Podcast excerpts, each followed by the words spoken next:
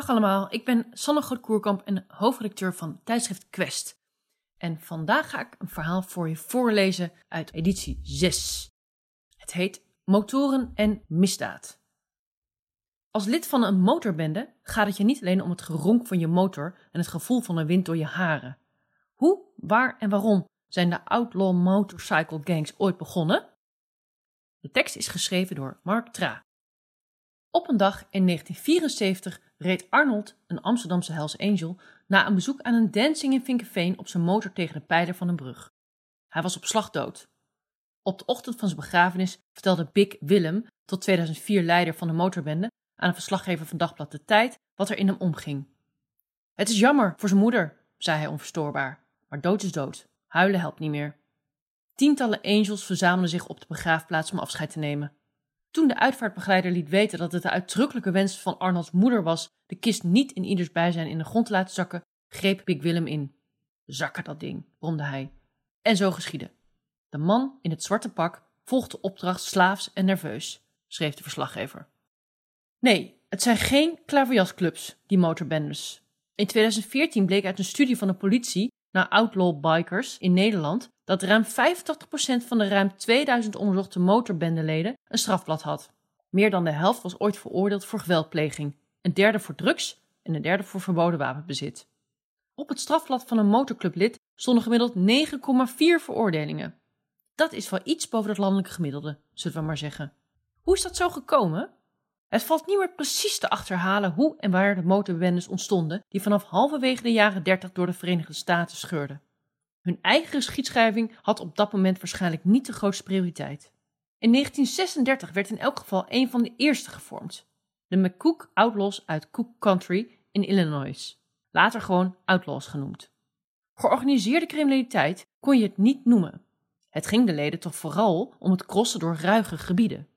En om de après-cross, het naar binnen werken van heel, heel veel drank. De echte motorbendecultuur ontstond na de Tweede Wereldoorlog. Uit die oorlog waren vele duizenden militairen teruggekeerd die thuis niet meer konden aarden. De maatschappij had zich in hun ogen afgekeerd van hen. Veel veteranen vonden dat ze niet de erkenning kregen die ze verdienden. Ook misten ze de kameraadschap en de spanning van het soldatenleven. In een motorbende konden ze nog wel als een militaire eenheid opereren. Tucht, broederschap en hiërarchie waren heel belangrijk. En alcohol. Een belangrijke datum in de beeldvorming rond motorclubs was 4 juli 1947. In het plaatsje Hollister in Californië hadden zich die dag 4000 motorliefhebbers verzameld voor een aantal races. Enkele gingen met elkaar op de vuist, maar in de media werd de knokpartij enorm uitvergroot. De indruk werd gewekt dat het hele dorp werd geterroriseerd. Een plaatselijke krant zette een foto in scène van een zogenaamd dronken biker die laveloos op zijn motor hing. Die haalde ook de landelijke media. De verontwaardiging was groot. De Landelijke Vereniging van Motorrijders ontkende dat alle motorliefhebbers gaaiers waren. 99% bestond uit beschaafde burgers die zich netjes aan de wet hielden. Die uitspraak had tot gevolg dat de outlaws zichzelf de one percenters gingen noemen. Het werd een geuzennaam. Ze naaiden een embleem met 1% erop op hun hesje om aan te geven dat ze tot een soort van elite behoorden die zich boven de wet stelde. In de daaropvolgende jaren ontstonden de motorclubs die we nu nog kennen. Enkele leden van de Pissed Off Bastards of Bloomington richtten in 1948 de Hells Angels op, lange tijd de moeder aller motorbendes. De clubs kregen veel aanwas van deelnemers aan nieuwe oorlogen in Korea en Vietnam. Maar er sloten zich ook loesje types aan met een minder eervol verleden. Incidenten konden niet uitblijven. Bij talloze gelegenheden botsten de intimiderende groepen motorrijders met de autoriteiten. In 1964 werden twee Hells Angels beschuldigd en vrijgesproken van een verkrachting in Californië. De motorbendes kwamen onder een vergrootglas te liggen. Wat doe je als politieagent in je uppie tegen tientallen breedgeschouderde kerels die op knetterende Harley Davidsons je slaperige dorpje binnenkomen denderen? Het imago van de motorbendes werd intussen steeds interessanter voor Hollywood, waar vanaf de jaren 50 veel speelfilms werden gemaakt over het gesloten wereldje van de motorrijders met hun erecodes en hun vrijgevochten leventje. Niet zelden hadden echte motorbendeleden een bijrol in zulke films. Het maakte de mythevorming rond de bikers alleen maar groter. De motorrijders zelf profiteerden ervan hun deelname aan films bracht geld in het laadje. De Hells Angels voorman Ralph Sonny Barger beschreef in zijn memoires hoe de bikers bij leven al een cultstatus bereikten. Kleine kinderen wilden ons aanraken. De ouderen wilden onze hand schudden. en heel veel vrouwen wilden met ons naar bed. Europa kende toen nog bijna geen motorbendes die de wet aan hun laars lapten. En Amerikaanse clubs kregen soms nog het voordeel van de twijfel. In januari 1969 sprak Herman Stok, radiomaker en columnist van het Parool, twee angels in Londen. Er klopt niets, maar dan ook helemaal niets van de angstaanjagende verhalen die er over deze jongens circuleren, zo schreef hij. De angels vormen op het ogenblik een zeer hechte gemeenschap waarin iedereen voor elkaar opkomt, iedereen voor elkaar zorgt, nooit iemand ten koste van een ander zal handelen. Later dat jaar werd een Hells Angel gearresteerd voor een moord tijdens een concert van de Rolling Stones in Californië. De eerste Nederlandse tak van de Hells Angels werd eind jaren 60 gevormd uit een groep Kreidler brommerrijdende en nogal veel overlast veroorzakende jongeren in Amsterdam. Ze noemden zichzelf Hells Angels, maar hadden daarvoor nog geen toestemming van hun Amerikaanse motorvrienden. Toen die eens kwamen kennismaken, verleenden ze die toestemming wel. In 1978 ontstond zo het officiële Amsterdamse chapter van de Angels. Andere outlaw clubs, zoals Satudara en No Surrender, ontstonden pas veel later. Inmiddels zijn die groter dan de Angels.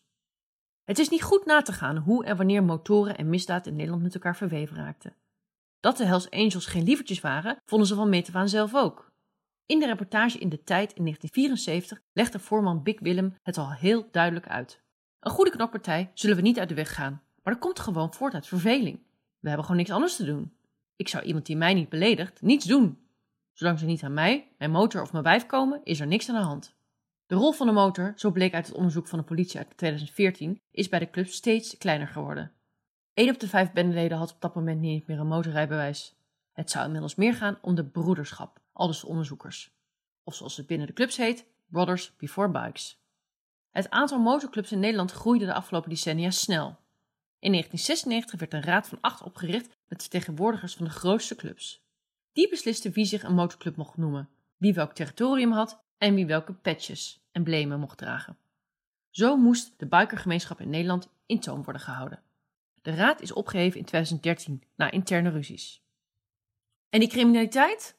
In de begintijd van de motorbendes trad de overheid amper op om escalaties te voorkomen. Vanaf de jaren 80 kwamen er steeds meer aanwijzingen dat clubleden zich in georganiseerd clubverband bezighielden met criminele zaken, zoals drugshandel, wapenbezit, prostitutie en afpersing. Maar het bleek lastig om hard bewijs te krijgen, vooral omdat motorbendeleden doorgaans weigeren tegen elkaar te getuigen. De afgelopen jaren zit de politie de motorbendes dichter op de huid. Een aantal, inclusief de Hells Angels, is inmiddels verboden verklaard in ons land. Het zijn geen gewone motorclubs waar motorrijden voorop staat, lezen we in een rapport uit 2018 van het Landelijk Informatie- en Expertisecentrum dat de georganiseerde criminaliteit onderzoekt. Zij zeggen: dit zijn organisaties die zich met ondermijnende en ernstige criminele activiteiten bezighouden. En nu? Nu is het afwachten hoe de verboden, die nog niet definitief zijn, gehandhaafd worden. Intussen kan iedereen iedere dag gewoon een nieuwe boontebende beginnen. Heel slim zou het niet zijn, omdat je direct de volle aandacht van de politie hebt. Een klaviasclub als dekmantel voor duistere handeltjes zou toch echt beter werken. Maar dat heb je niet van ons. Vond je dit nou een leuk verhaal? Blijf dan luisteren. Ik heb hier een aantal korte fragmenten voor je, waardoor je nog meer te weten komt over motorbendes. De Grote Vier. In 2018 telde Nederland ruim 2000 mensen die behoren bij een outlaw motorcycle gang. Dit zijn de grootste clubs, niet in een bepaalde volgorde. Wago ontstond in 2016 uit de Haagse straatbende de Crips en de motorclub Trailer Trash. Leden worden in verband gebracht met de aanslag op het redactiekantoor van Panorama in 2018 en een aantal liquidaties. Wago groeit snel in ledental. Er loopt een procedure om de club te verbieden. Satudara. In 1990 opgericht, sinds 2018 verboden. Veel leden hadden Molukse roots. Was voor het verbod de grootste motorbende in Nederland. Grote rivalen van de Hells Angels. Hells Angels. Sinds 1978 actief in Nederland. Was lange tijd de grootste en meest invloedrijke motorbende. Sinds 2019 is de club verboden in ons land. No Surrender. In 2013 opgericht door oud-statutarig-lid Klaas Otto. Voormalig Angelsbaas Big Willem was ook lid.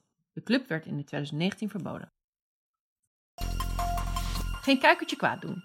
Door alle publiciteit rond vermeende criminele activiteiten van bekende motorbendes zou je bijna denken dat iedereen in een motorjack een enorm strafblad heeft. Dat is natuurlijk niet zo.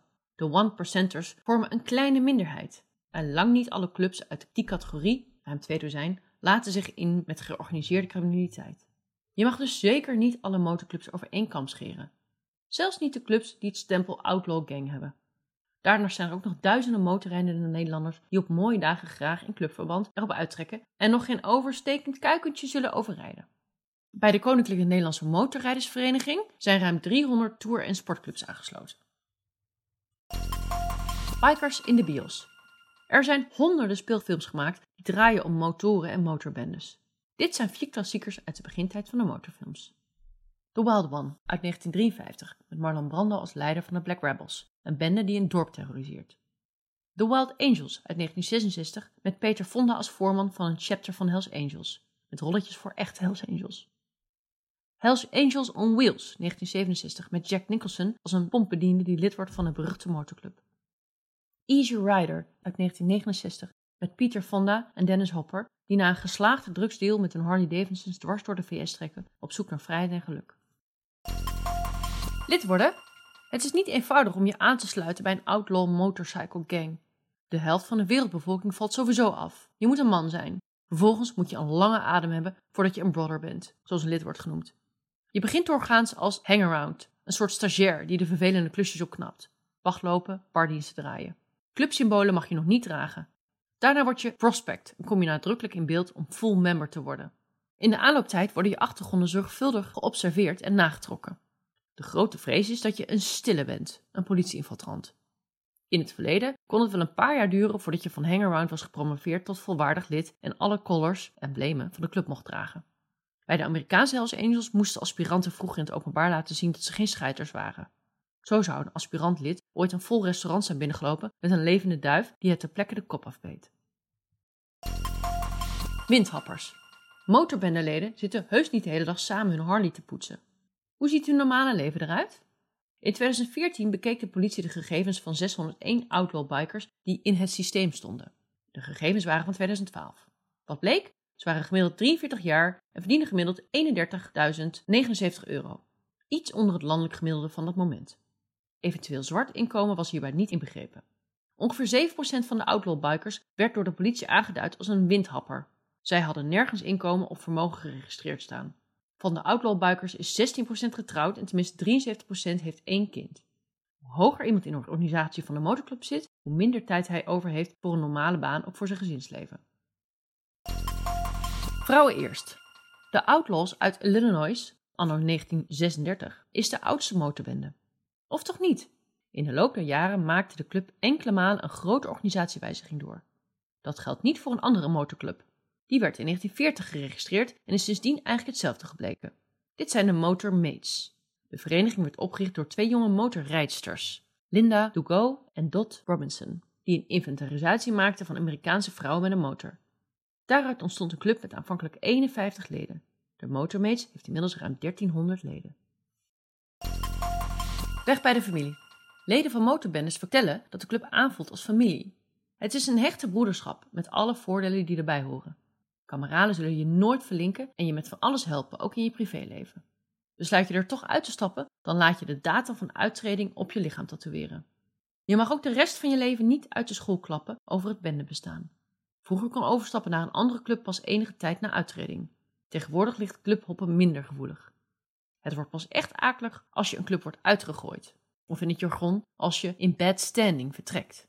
Bijvoorbeeld als is gebleken dat je met de politie hebt gepraat dan moet je collars en clubspullen inleveren. Je clubtatoeages laten verwijderen en mag je geen contact meer hebben met je voormalige kameraden.